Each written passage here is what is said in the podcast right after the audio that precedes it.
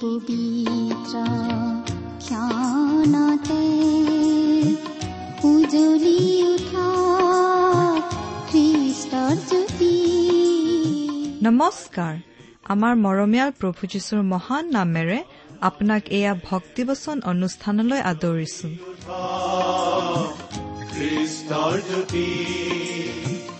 আকাশ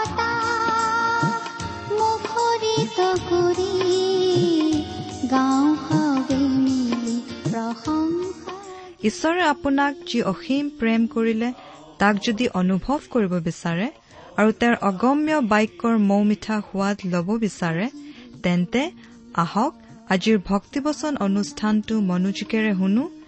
এয়া আপোনালৈ আগবঢ়াইছো ঈশ্বৰৰ জীৱন্ত বাক্যৰ অনুষ্ঠান ভক্তিবচন।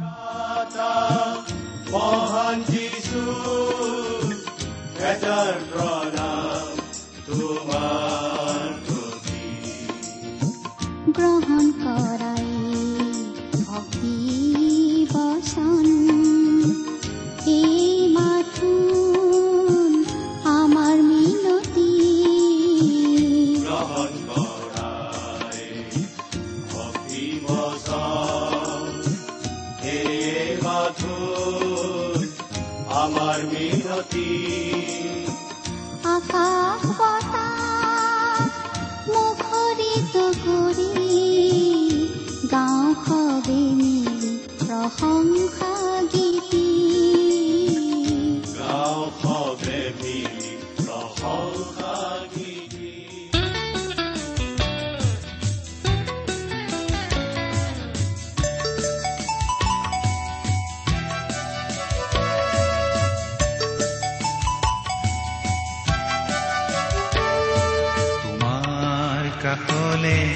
আহিছো পিতা আজি মোক জিৰণি দিয়া তোমাৰ কৰোণা মাগিছো পিতা তুমি মোক খাব দিলোৱা তোমাৰ কাষলে আহিছো পিতা আজি মোক জিৰণি দিয়া তোমাৰ কৰোণা মাগিছো পিতা তুমি মোক খাব দিলোৱা।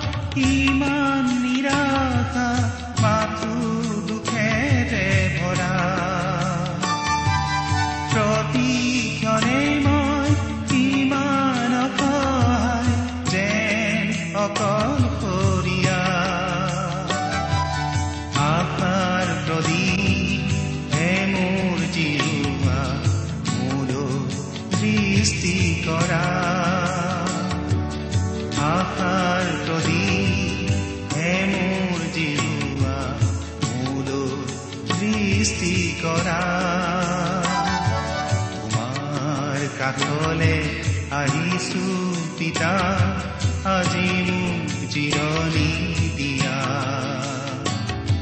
তোমাৰ কৰোণা মাগিছো পিতা তুমি মোক খাব আমাৰ মহান ত্ৰাণকৰ্তা প্ৰভু যীশুখ্ৰীষ্টৰ নামত নমস্কাৰ প্ৰিয় শ্ৰোতা। আশা কৰোঁ আপুনি ভালে কুশলে আছে। আমাৰ কিছুমান শ্ৰোতাবন্ধুৰ পৰা আমি নিয়মিতভাৱে চিঠি পত্ৰ পাওঁ। আৰু তেনেকুৱা শ্ৰোতাসকল আমাৰ খুব চিনাকি যেন হৈ পৰে। কিন্তু আমি জানো বহুতো লোকে আমাৰ এই ভক্তিবচন অনুষ্ঠান শুনে কিন্তু আমালৈ কেতিয়াও চিঠি পত্ৰ নিলিখে। আপুনি চাগে ভাবিছে চিঠি পত্ৰ লিখাৰ কথানো কিয় বাৰে বাৰে কৈ থাকে? বা চিঠি পত্ৰনো কিয় লিখিব লাগে? লাগে প্ৰিয় শ্ৰোতা কিয় জানেনে? শ্ৰোতাসকলৰ পৰা চিঠি পত্ৰ পাই থাকিলেহে আমি বুজি পাওঁ আমাৰ এই অনুষ্ঠানটো ৰাইজে শুনি আছে বুলি তদুপৰি চিঠি পত্ৰৰ যোগেদি আপোনালোকৰ মতামত আদি পালে আমি জানিব পাৰোঁ আমাৰ এই অনুষ্ঠানৰ মানদণ্ড কি? আৰু যদিহে কোনো শ্ৰোতাই এই অনুষ্ঠান শুনি উপকৃত হোৱা বুলি লিখে আমি কাম কৰি যাবলৈ নতুন উৎসাহ পাওঁ। সেইবাবে সদায় কৰি অহাৰ দৰে আজিও অনুৰোধ কৰিছো অনুগ্ৰহ কৰি আমালৈ দুষাৰিমান আজিয়েই লিখি পঠিয়াওকচোন। আমাৰ যোগাযোগৰ ঠিকনা ভক্তি বচন টি ডব্লিউ আৰ ইণ্ডিয়া ডাক বাকচ নম্বৰ সাত শূন্য গুৱাহাটী সাত আঠ এক শূন্য শূন্য এক। ঠিকনাটি আকৌ এবাৰ কৈছো।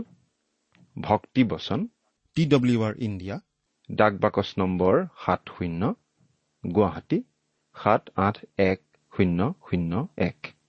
আমাৰ website W W W dot radio' eight eight two dot com প্ৰিয় শ্ৰোতা সদায় কৰি অহাৰ দৰে আজিও বাইবেল অধ্যয়নৰ আগে আগে প্ৰাৰ্থনাত মূৰ্ণত কৰোঁ হওক আহকচোন। হে আমাৰ স্বৰ্গত থকা অসীম দয়ালু পিতৃ ঈশ্বৰ তোমাক ধন্যবাদ জনাইছো কাৰণ তোমাৰ মহান বাক্য বাইবেল শাস্ত্ৰ অধ্যয়ন কৰাৰ এই সুযোগ তুমি আমাক দিছা। তোমাৰ বাক্য তুমিয়েই আমাক বুজাই দিয়া প্ৰভু। আমাৰ প্ৰয়োজন অনুসাৰে তুমি আমাক বিশেষভাৱে কথা কোৱা। এই অনুষ্ঠান শুনি থকা প্ৰতিজন শ্ৰোতাৰ আগত তুমি নিজকে প্ৰকাশ কৰা। আমি যাতে তোমাৰ বাক্য শুনোতা নহয় পালনকৰ্তাও হ'ব পাৰোঁ এনে বিশেষ আশীৰ্বাদ আমাক দিয়া। অনুষ্ঠানৰ আৰম্ভণিৰ পৰা শেষলৈকে তুমিয়েই আমাক পৰিচালিত কৰা কিয়নো এই প্ৰাৰ্থনা আমাৰ মহান ত্ৰাণকৰ্তা মৃত্যুঞ্জয় প্ৰভু যীশুখ্ৰীষ্টৰ নামত আগবঢ়ালো। আহমেন প্ৰিয় শ্ৰোতা আমি এতিয়া বাইবেলৰ পুৰণি নিয়ম খণ্ডৰ লেবিয়া পুস্তক নামৰ পুস্তকখন অধ্যয়ন কৰি আছো নহয়নে বাৰু? আমি যোৱা অনুষ্ঠানত এই লেবিয়া পুস্তকৰ আঠ নম্বৰ অধ্যায়ৰ ছয় নম্বৰ পদ পৰ্যন্ত পঢ়ি আমাৰ আলোচনা আগবঢ়াইছিলো।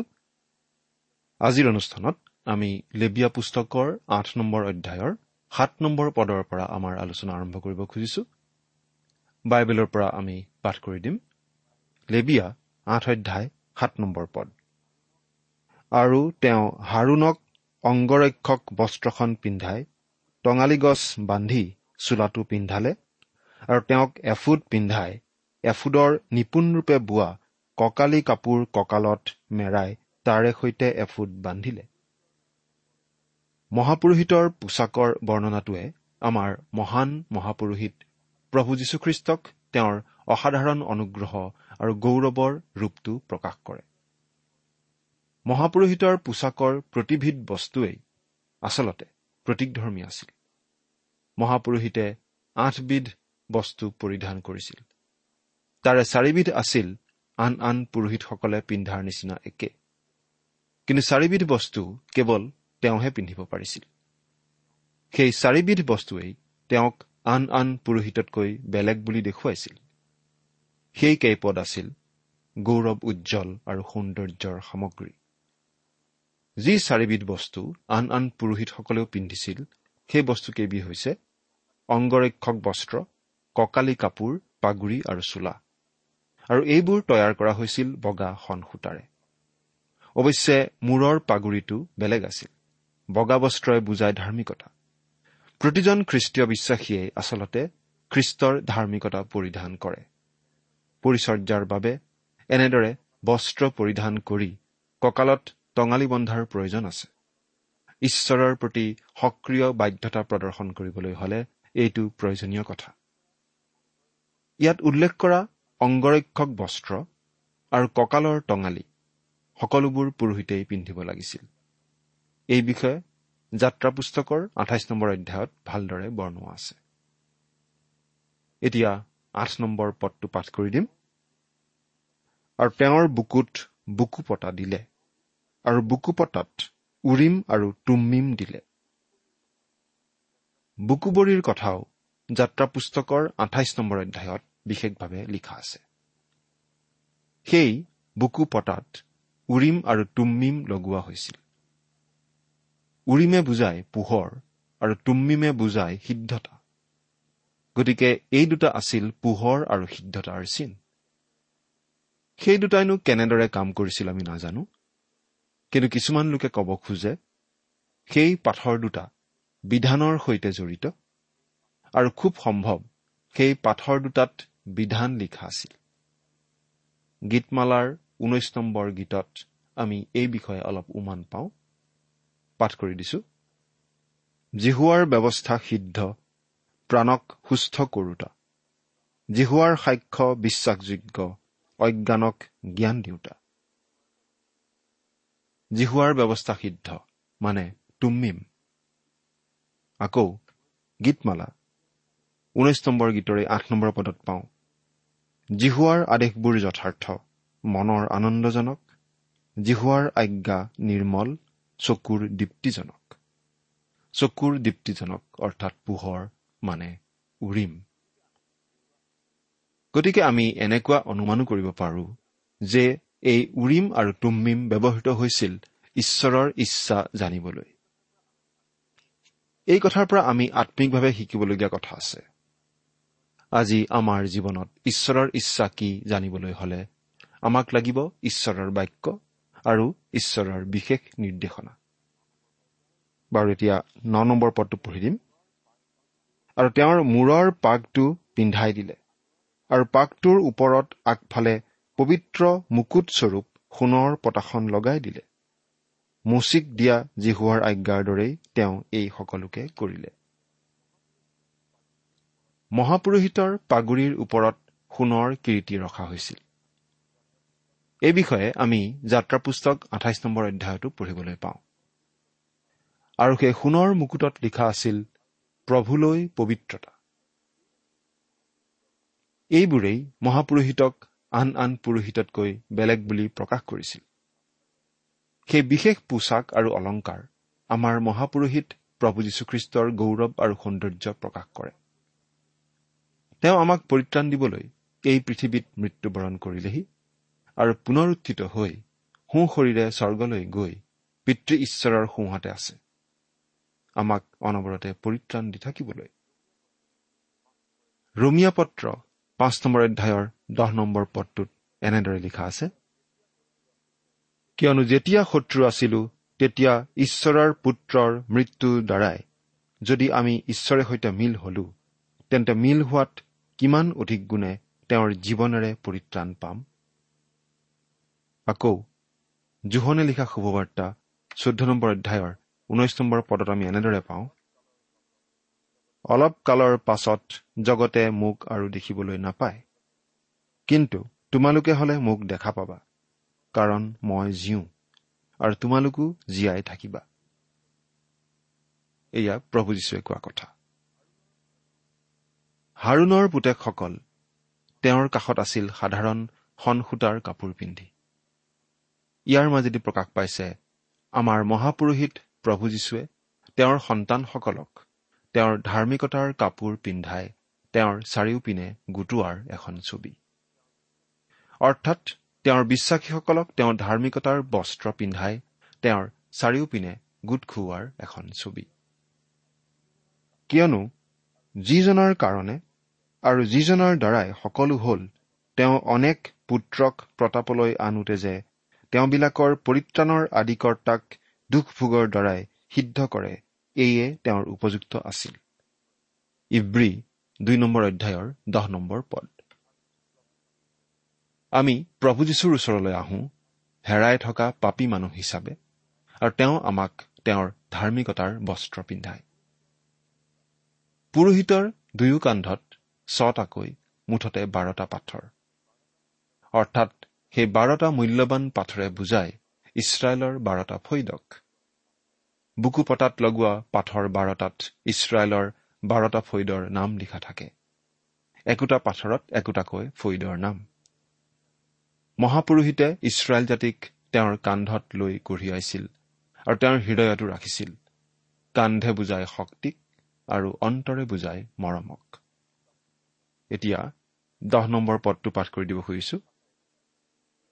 পাছে মুচিয়ে অভিষেকাৰ্থক তেল লৈ আবাস আৰু তাৰ সকলোকে অভিষেক কৰি পবিত্ৰ কৰিলে। সেই সাক্ষাৎ কৰা তম্বু আৰু পৰিচৰ্যাত ব্যৱহৃত হবলগীয়া পাত্ৰবোৰত তেজ ছটিওৱা হৈছিল। এতিয়া সেইবোৰ তেলেৰে অভিষিক্ত কৰা আমি দেখিবলৈ পাইছো। সেইবোৰ ইতিমধ্যে সূচী কৰা হৈছিল প্ৰায়চিত্ৰ কৰা হৈছিল তেজেৰে। আৰু এতিয়া তেলেৰে অভিষিক্ত কৰা হৈছে। আৰু তেলে বুজাই পবিত্ৰ আত্মা। এতিয়া পবিত্ৰ আত্মাই মুকলিভাৱে চলাফুৰা কৰি নিয়ম তম্বুৰ কাম কাজ আৰু পৰিচৰ্যাত কাৰ্য কৰিব পাৰে। ঈশ্বৰ আত্মা। আৰু তেওঁক ভজনা কৰাবিলাকে সত্যেৰে আৰু আত্মাৰে ভজনা কৰিব লাগে। জোহন চাৰি নম্বৰ অধ্যায়ৰ চৌব্বিছ নম্বৰ পদ। এতিয়া এঘাৰ আৰু বাৰ নম্বৰ পদ দুটা পঢ়ি দিছো। তাৰে আৰু কিছু লৈ যজ্ঞবেদীৰ ওপৰত সাতবাৰ ছটিয়ালে আৰু বেদী আৰু তাৰ সকলো সঁজুলি প্ৰক্ষালন পাত্ৰ আৰু তাৰ খুৰা পবিত্ৰ কৰিবৰ অৰ্থে অভিষেক কৰিলে। পাছে অভিষেকাৰ্থক তেলৰ কিছু লৈ হাৰুণৰ মূৰত ঢালি দি তেওঁক পবিত্ৰ কৰিবৰ অৰ্থে অভিষেক কৰিলে। তেল ছটিওৱা কাৰ্যটোৱে বুজায় পবিত্ৰীকৰণ। এতিয়া সকলো ব্যৱহাৰৰ উপযোগী হ'ল কাৰণ ঈশ্বৰৰ কাৰ্যৰ বাবে পৃথক কৰা হ'ল। হাৰুণক তেল ছটিয়াই দিয়া হোৱা নাছিল কিন্তু তেলেৰে অভিষেক কৰাহে হৈছিল। তেওঁক তেলেৰে ঢাকি পেলোৱা যেন হৈছিল। সেয়ে দাড়িৰ ওপৰেদি হাৰুণৰেই দাড়িৰ ওপৰেদি তেওঁৰ বস্ত্ৰৰ আচললৈকে বৈ অহা মূৰত ঢলা বহুমূল্য তেলৰ নিচিনা। গীতমালা এশ তেত্ৰিশ নম্বৰ দুই নম্বৰ পদ। ঠিক একেদৰে প্ৰভু যীশুৱে যেতিয়া জৰ্দন নদীত বাপ্তিস্ম লৈছিল তেতিয়া তেওঁৰ ওপৰত পবিত্ৰ আত্মা বাকি দিয়া হৈছিল। এই পবিত্ৰ আত্মাৰ প্ৰতীকেই হৈছে তেল। বাইবেলত অতি স্পষ্টভাৱে কোৱা হৈছে কিয়নো ঈশ্বৰে যিজনাক পঠালে তেওঁ ঈশ্বৰৰ কথা কয় কাৰণ তেওঁ পৰিমাণ কৰি আত্মা নিদিয়ে। অৰ্থাৎ পিতৃ ঈশ্বৰে কোনো কৃপণালী নকৰাকৈ তেওঁৰ পুত্ৰৰ ওপৰত পবিত্ৰ আত্মা বাকি দিয়ে। এইটোও মন কৰিবলগীয়া কথা যে আন পুৰোহিতসকলৰ গাত তেজ প্ৰয়োগ কৰাৰ আগতেই হাৰুণৰ ওপৰত তেল বাকি দিয়া হৈছিল। আমি এই কথা মনত ৰখা উচিত যে আমাৰ মহাপুৰোহিত প্ৰভু যীশুখ্ৰীষ্টই কোনো পাপ কৰা নাই। গতিকে তেওঁ নিজৰ বাবে কোনো প্ৰায়চিত্ৰ কৰাৰ প্ৰয়োজনো নাই। কিন্তু আমাৰ প্ৰায়চিত্ৰৰ প্ৰয়োজন আছে তেওঁৰ নাই। তুমি ধৰ্মক প্ৰেম কৰিলা আৰু অধৰ্মক ঘীন কৰিলা। এইকাৰণে ঈশ্বৰে তোমাৰ ঈশ্বৰে তোমাৰ সংগীবিলাকতকৈ তোমাক অধিক আমোদৰূপ তেলেৰে অভিষিক্ত কৰিলে। ইব্ৰী প্ৰথম অধ্যায় ন নম্বৰ পদ। এতিয়া আমি তেৰ নম্বৰ পদটো পাঠ কৰি দিছো। পাছে হাৰুণৰ পুত্ৰবিলাকক ওচৰলৈ নি তেওঁবিলাককো অংগৰক্ষক বস্ত্ৰ পিন্ধাই কঁকালত টঙালি বান্ধি মূৰত পাগুৰি মৰাই দিলে। মুচিক দিয়া জিহুৱাৰ আজ্ঞাৰ দৰেই তেওঁ এই সকলোকে কৰিলে। এই সকলোবোৰ ঈশ্বৰৰ আজ্ঞা অনুসাৰে কৰা হৈছিল বুলি আমাক আকৌ সোঁৱৰাই দিয়া হৈছে। এই কথাটোৱে আমাক আকৌ সোঁৱৰাই দিয়ে যে আমি প্ৰভু যীশুৰ ধাৰ্মিকতা পৰিধান কৰিব লাগে। চৈধ্য নম্বৰ পদ পাছে পাপাৰ্থক বলিদানৰ দমৰা গৰুটো নিয়া হলত হাৰুণ আৰু তেওঁৰ পুত্ৰবিলাকে সেই পাপাৰ্থক গৰুটোৰ মূৰত হাত দিলে। সেই মহাপুৰোহিতৰ বাবে পাপাৰ্থক বলি আছিল দমৰাটো। হাৰুণৰ চাৰিজন পুতেকেও সেই বলিটো নিজৰ বুলি দাবী কৰিব পাৰিছিল। তেওঁলোকৰ পাপবোৰ সেই বলিটোৰ গালৈ স্থানান্তৰিত হৈছিল। বলিটোৰ মূৰত হাত দিয়াৰ যোগেদি সেই কাৰ্যটো কৰা হৈছে। তেওঁলোক যে পাপী সেই কথাটো ঈশ্বৰে তেওঁলোকৰ অন্তৰত মচিব নোৱাৰা ধৰণে লিখি দিছিল। তেওঁলোকৰ মনত সেই কথাটো অনবৰতেই আছিল যদিও তেওঁলোকে ঈশ্বৰৰ পৰিচৰ্যাই কৰিছিল। আমি শাস্ত্ৰ পঢ়িলে এই কথাটো ভালদৰে দেখা পাওঁ যে ঈশ্বৰৰ লোকসকলে সদায় মনত ৰাখিছিল যে তেওঁলোক আচলতে পাপী লোক। প্ৰিয় শ্ৰোতা আপুনিও বাৰু কেতিয়াবা নিজৰ বিষয়ে এনেকুৱা অনুভৱ কৰেনে? যদি অনুভৱ কৰে তেন্তে ঈশ্বৰে আপোনাৰ কাৰণে কিবা এটা কৰিব পাৰে। আমাৰ বেমাৰ হোৱা বুলি গম পালেহে আমি ডাক্তৰৰ ওচৰলৈ যাওঁ নহয় জানো? আমি নিজকে পাপী বুলি বুজি পালেহে পৰিত্ৰাণ বিচাৰি প্ৰভু যীশুৰ কাষ চাপো। প্ৰিয় শ্ৰোতা আপুনি যদি আপোনাৰ বোজা কঢ়িয়াব নোৱাৰা হৈছে তেন্তে সেই বোজা কঢ়িয়াবলৈ কাৰোবাৰ পৰা সহায় লওক। প্ৰভু যীশুৱে আজি কৈ আছে সেই পৰিশ্ৰান্ত আৰু ভাৰাক্ৰান্ত লোকসকল মোৰ ওচৰলৈ আহা। মই তোমালোকক জিৰণি দিম। মুঠি এঘাৰ অধ্যায় আঠাইছ পদ। আৰু এতিয়া পোন্ধৰৰ পৰা সোতৰ নম্বৰ পদলৈকে পঢ়িম। তেতিয়া তাক কটা হলত মুচিয়ে তাৰ কিছু তেজ লৈ আঙুলিৰে বেদীৰ চাৰিওফালৰ শিঙত লগাই বেদীটো পাপৰ পৰা মুক্ত কৰিলে। আৰু বাকী তেজখিনি বেদীৰ মূৰত ঢালি দিলে আৰু তাক প্ৰায়চিত্ৰ কৰি পবিত্ৰ কৰিলে। পাছে নাৰীভুৰুত লাগি থকা আটাই তেল আৰু কলিজাৰ ওচৰত থকা তেলীয়া ভাগ ঘিলা দুটা আৰু তাৰ তেল এৰুওৱা হলত মুচিয়ে বেদীৰ ওপৰত সেইবোৰ দগ্ধ কৰিলে। এই নিয়মখিনিৰ পৰা আমি আম্মিকভাৱে শিকিবলগীয়া বহু কথা আছে। পাপাৰ্থক বুলি আগবঢ়োৱাৰ পাছতে এই নিয়মখিনি কৰা হয়। কেৱল তেজখিনি সোণৰ বেদীৰ পৰিৱৰ্তে পিতলৰ বেদীৰ শিঙত লগাই দিয়া হয়। অৰ্থাৎ যি বেদীটোত বলি দিয়া হয় তাত তেজ বৈ থকা স্বত্তেও আকৌ শিঙত তেজ লগাই সূচী কৰিব লগা হয়। গতিকে আমি এই কথাটোও মনত ৰখা উচিত যে ক্ৰুচৰ কাঠখিনিয়ে আমাক পৰিত্ৰাণ দিব নোৱাৰে। কিন্তু সেই ক্ৰুচত আমাৰ হকে নিজৰ অমূল্য তেজ বোৱাই মৃত্যুবৰণ কৰা প্ৰভু যীশুৱেহে আমাক পৰিত্ৰাণ দিব পাৰে। তেওঁ আমাৰ পাপৰ শাস্তি ললে আমাৰ হৈ। কিন্তু তথাপি তেওঁৰ গাত পাপৰ দাগ নালাগিল। তেওঁ আমাৰ বাবে পাপস্বৰূপ হ'ল। কিন্তু তথাপি তেওঁ পাপৰ পৰা পৃথক। ওঠৰৰ পৰা একৈশ নম্বৰ পদ। পাছে হোমবলিৰ মেৰটো নিয়া হলত হাৰুণ আৰু তেওঁৰ পুত্ৰবিলাকে সেই মেৰৰ মূৰত হাত দিলে। তেতিয়া তাক কটা হলত মুচিয়ে বেদীত চাৰিওফালে তাৰ তেজ ছটিয়াই দিলে আৰু মেৰটো খণ্ড খণ্ড কৰা হলত মুচিয়ে মূৰটো খণ্ডবোৰ আৰু তেল দগ্ধ কৰিলে। আৰু তাৰ নাৰী ভুৰু আৰু ঠেং পানীত ধোৱা হলত মুচিয়ে গোটেইটো মেৰ বেদীত দগ্ধ কৰিলে। এয়ে হোম বুলি। সুঘ্ৰণৰ অৰ্থে জিহুৱাৰ উদ্দেশ্যে দিয়া অগ্নিকৃত উপহাৰ।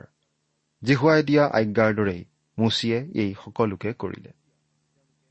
এতিয়া তেওঁলোকে হোম বলিৰ নিয়মখিনি পালন কৰিছে। পাপাৰ্থক বলি আগবঢ়োৱাৰ পাছতহে হোম বলি আগবঢ়াইছে। খ্ৰীষ্টৰ সৌন্দৰ্য তেওঁৰ গুণ আমি ভালদৰে কেতিয়াও বুজি পাব নোৱাৰো যেতিয়ালৈকে আমাৰ পাপৰ সমস্যাটো ঈশ্বৰৰ সন্তুষ্টি হোৱাকৈ আমি সমাধান নকৰো। পাপাৰ্থক বলিটোৱে বুজায় খ্ৰীষ্টই আমাৰ বাবে ক্ৰুচত কি কৰিলে সেই কথা। আৰু হোম বলিয়ে বুজায় তেওঁনো কোন? সেই কথা। খ্ৰীষ্টনো কোন? সেই কথা জানিবলৈ হলে তেওঁনো কোন? সেই কথা ভালদৰে বুজিবলৈ হলে আমি প্ৰথমতে তেওঁৰ ওচৰলৈ আহি তেওঁক পৰিত্ৰতা বুলি গ্ৰহণ কৰিব লাগিব। তেওঁ আমাৰ সকলো পাপৰ প্ৰাচিত্য বুলি মানি ল'ব লাগিব। তেওঁ আমাৰ সকলো পাপৰ শাস্তি নিজে ললে। আমাৰ প্ৰাপ্য শাস্তি তেওঁ ললে। আমি দিবলগীয়া বেচ তেওঁ দিলে। সেই কথাটো প্ৰথমতে আমি মানি ল'ব লাগিব। তেতিয়াহে আমি তেওঁক জানিব পাৰিম। আচলতে সহভাগিতা মানে খ্ৰীষ্টৰ বিষয়বোৰ ভগাই লোৱা। খ্ৰীষ্টৰ তেজেৰে মুক্তি লাভ কৰা লোকসকলেহে খ্ৰীষ্টৰ বিষয়বোৰ ভগাই ল'ব পাৰে। এতিয়া বাইছৰ পৰা চৌবিছ নম্বৰ পদ পাঠ কৰি দিম। পাছে দ্বিতীয় মেৰটো অৰ্থাৎ নিযুক্তকৰণাৰ্থক মেৰটো নিয়া হলত হাৰুণ আৰু তেওঁৰ পুত্ৰবিলাকে সেই মেৰৰ মূৰত হাত দিলে। তেতিয়া তাক কটা হলত মুচিয়ে তাৰ অলপ তেজ লৈ হাৰুণৰ সোঁ কাণৰ মূৰত সোঁ হাতৰ বুঢ়া আঙুলিত আৰু সোঁ ভৰিৰ বুঢ়া আঙুলিটো লগাই দিলে। পাছে হাৰুণৰ পুত্ৰবিলাকক ওচৰলৈ নিয়া হলত মুচিয়ে সেই তেজৰ অলপমান তেওঁবিলাকৰো সোঁ কাণৰ মূৰত সোঁ হাতৰ বুঢ়া আঙুলিত আৰু সোঁ ভৰিৰ বুঢ়া আঙুলিত লগাই দিলে আৰু বাকী তেজখিনি বেদীত চাৰিওফালে ছটিয়াই দিলে। কৰুণাৰ্থক মেৰটো আচলতে দুষাৰ্থক বলি। কোনো মংগলাৰ্থক বলিৰ প্ৰয়োজন নাছিল কাৰণ পুৰোহিতসকল ইতিমধ্যেই সহভাগিতা আৰু সম্বন্ধৰ স্থানত আছিল। কাণত তেজ লগোৱাৰ অৰ্থ এইয়ে যে সেই কাণে ঈশ্বৰৰ মাত শুনিব। স্বাভাৱিক কাণেৰে আমি ঈশ্বৰৰ মাত শুনিব নোৱাৰো। খ্ৰীষ্টৰ তেজেৰে মুক্তি পোৱাৰ পাছতহে আমি তেওঁৰ মাত বুজি পোৱা হওঁ। এতিয়া পঁচিছৰ পৰা ঊনত্ৰিশ নম্বৰ পদলৈকে পঢ়িম। ইয়াত এনেদৰে লিখা আছে পাছে তেওঁ তেলখিনি অৰ্থাৎ নেগুৰডাল নাৰীভুৰুত লাগি থকা আটাই তেল আৰু কলিজাৰ ওচৰত থকা তেলীয়া ভাগ ঘিলা দুটা আৰু তাৰ তেল আৰু সোঁ পাঁচ পীৰাটো ললে। আৰু জিহুৱাৰ সন্মুখত থকা খমিৰ নিদিয়া পিঠাৰ খৰাহীৰ পৰা এটা খমিৰ নিদিয়া বিন্ধা থকা পিঠা এটা তেল দিয়া বিন্ধা থকা পিঠা আৰু এটা পাতল চাকলীয়া পিঠা লৈ সেই তেলবোৰৰ আৰু সোঁ পাঁচপিৰাটোৰ ওপৰত থলে।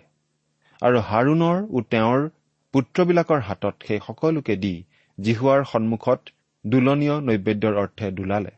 পাছে মুচিয়ে তেওঁবিলাকৰ হাতৰ পৰা সেইবোৰ লৈ বেদীত হোমবলিৰ ওপৰত দগ্ধ কৰিলে। এয়ে সুঘ্ৰাণৰ অৰ্থে দিয়া নিযুক্তকৰণাৰ্থক নৈবেদ্য। এয়ে জিহুৱাৰ উদ্দেশ্যে দিয়া অগ্নিকৃত উপহাৰ। পাছে তেওঁ আমঠুটো লৈ জিহুৱাৰ সন্মুখত দোলনীয় নৈবেদ্যৰ অৰ্থে দোলালে। নিযুক্তকৰণাৰ্থক মেৰৰ এই আমঠুটো মুচিৰ ভাগ হ'ল। জিহুৱাই দিয়া আজ্ঞাৰ দৰেই মুচিয়ে এই সকলোকে কৰিলে। তেওঁলোকে সকলো বলিৰ অংশ লৈ একেলগে হাৰুণ আৰু তেওঁৰ পুত্ৰসকলৰ হাতত দিছিল। আৰু সেইবোৰ ঈশ্বৰৰ আগত আগবঢ়োৱা হৈছিল। অৰ্থাৎ মাত্ৰ এটা বলিৰ আধাৰতেই সকলো গৃহীত হৈছিল। ত্ৰিশ নম্বৰ পদ। পাছে মচিয়ে অভিষেকাৰ্থক তেলৰ পৰা আৰু বেদীৰ ওপৰত থকা তেজৰো পৰা কিছু লৈ হাৰুণৰ ওপৰত আৰু তেওঁৰ বস্ত্ৰৰ ওপৰত আৰু তেওঁৰে সৈতে তেওঁৰ পুত্ৰবিলাকৰ ওপৰত আৰু তেওঁবিলাকৰ বস্ত্ৰৰ ওপৰতো ছটিয়াই দি হাৰুণক আৰু তেওঁৰ বস্ত্ৰবোৰ আৰু তেওঁৰে সৈতে তেওঁৰ পুত্ৰবিলাকক আৰু তেওঁবিলাকৰ বস্ত্ৰবোৰ পবিত্ৰ কৰিলে। হাৰুণ আৰু পুৰোহিতসকলক তেজ আৰু তেলেৰে পবিত্ৰ কৰা হৈছিল। একত্ৰিশ আৰু বত্ৰিশ নম্বৰ পদ পঢ়িলে আমি পাওঁ যে বাকী থকা অংশখিনি তেওঁলোকে খাব লাগিছিল। আজি খ্ৰীষ্টীয় বিশ্বাসীসকলেও খ্ৰীষ্টই সম্পন্ন কৰি যোৱা কাৰ্যখিনিকে ভগাই খোৱা উচিত অৰ্থাৎ পৰিত্ৰাণৰ আশীৰ্বাদ গ্ৰহণ কৰি শান্তি আনন্দৰ সহভাগিতা উপভোগ কৰা উচিত। খ্ৰীষ্টই হৈছে আমাৰ আত্মিক আহাৰ। আমি তেত্ৰিশৰ পৰা ছয়ত্ৰিশ নম্বৰ পদলৈকে পঢ়িলে দেখা পাওঁ যে সেই কাৰ্যবোৰ সাতদিন ধৰি চলিব লাগিছিল। সাতদিন ধৰি সেই কাৰ্যবোৰ চলি থকা কথাটোৱে আমাক মনত পেলাই দিয়ে যে প্ৰভু যীশুৱে আজি আমাৰ মহাপুৰোহিত হিচাপে নিৰন্তৰে আমাৰ বাবে নিবেদন জনাই আছে। আমাক উদ্ধাৰ কৰিবলৈ প্ৰতি মুহূৰ্ততে তেওঁ সাজু আছে। এতিয়া এই মুহূৰ্তটো তেওঁক বাৰু আপুনি আপোনাৰ মহাপুৰোহিত হিচাপে গ্ৰহণ কৰিছেনে? চিন্তা কৰি চাওকচোন। ঈশ্বৰে আপোনাক আশীৰ্বাদ কৰক।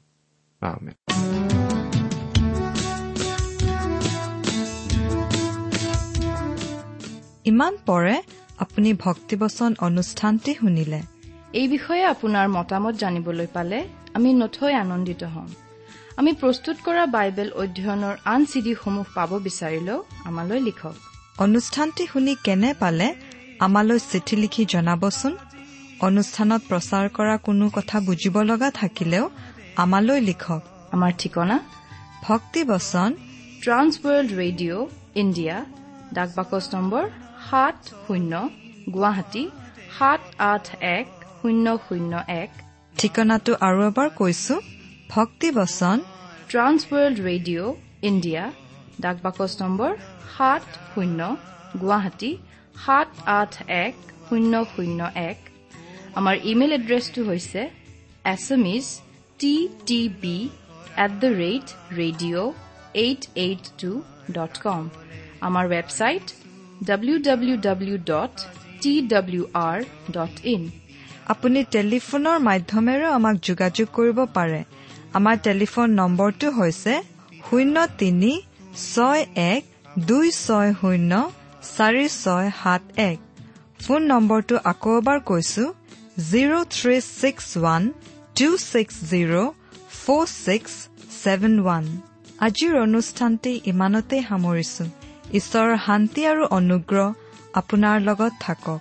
ধন্যবাদ।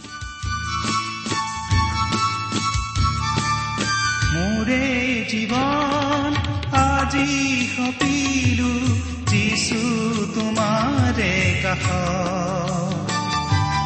প্ৰতিশ্ৰুতি মোৰ তোমাৰ চৰণ চলিম তোমাৰে পথ মাথো আজি তোমাৰ প্ৰেমেৰে জীৱন পূৰ্ণ কৰা মাথো আজি তোমাৰ প্ৰেমেৰে জীৱন পূৰ্ণ কৰা তোমাৰ কাষলে আহিছো পিতা আজি মোক জিৰণি দিয়া তোমাৰ কৰোণা মাগিছো পিতা তুমি মোক সাৱতি লোৱা তোমাৰ কাষলে আহিছো পিতা আজি মোক চিৰণি দিয়া। তোমাৰ কৰোণা মাগিছো পিতা তুমি মোক খাব